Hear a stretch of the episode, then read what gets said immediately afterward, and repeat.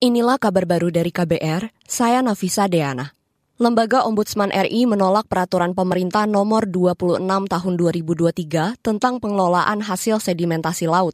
Anggota Ombudsman RI Yohanes Widiantoro mengatakan, Belet itu membuka peluang praktik-praktik eksploitatif ketimbang pengendalian pasir laut hasil sedimentasi. Apalagi, izin ekspor pasir laut sudah dilarang sejak 20 tahun lalu. Selama 20 tahun ekspor pasir laut dilarang karena penambangan pasir laut memicu kerusakan lingkungan dan membuat pulau-pulau kecil tenggelam. Sejatinya kalau memang mau pengendalian saja, hal-hal yang terkait dengan pemanfaatan, pengelolaan, bahkan sampai ekspor itu harusnya tidak dominan. Tapi ini ini agak tricky Pak. Di bagian konsiderannya itu hanya pengendalian, tapi di bagian sebatang tubuhnya lebih banyak pemanfaatan ada juga kata optimalisasi hasil sedimentasi laut. Ini kan semangatnya memang semangat eksploitatif. Anggota Ombudsman RI Yohanes Widiantoro menambahkan, peraturan ini akan memunculkan benturan kepentingan antara pemerintah daerah dan pusat. Ia mengatakan sejumlah pemerintah daerah sudah mengatur pembatasan eksploitasi kawasan pesisir dan pulau-pulau kecil.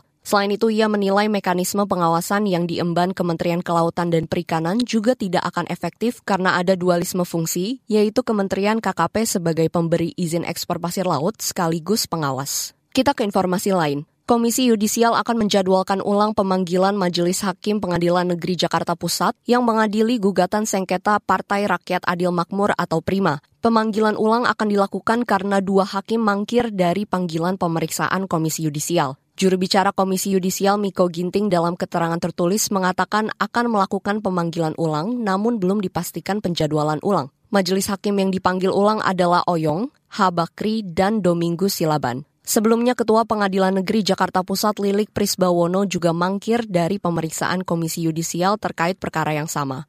Miko mengimbau agar para pihak kooperatif dengan memenuhi pemanggilan agar mereka bisa memberi penjelasan komprehensif di forum etik Komisi Yudisial. Miko mengatakan pemanggilan berdasarkan laporan masyarakat terkait dugaan pelanggaran etik dan perilaku hakim.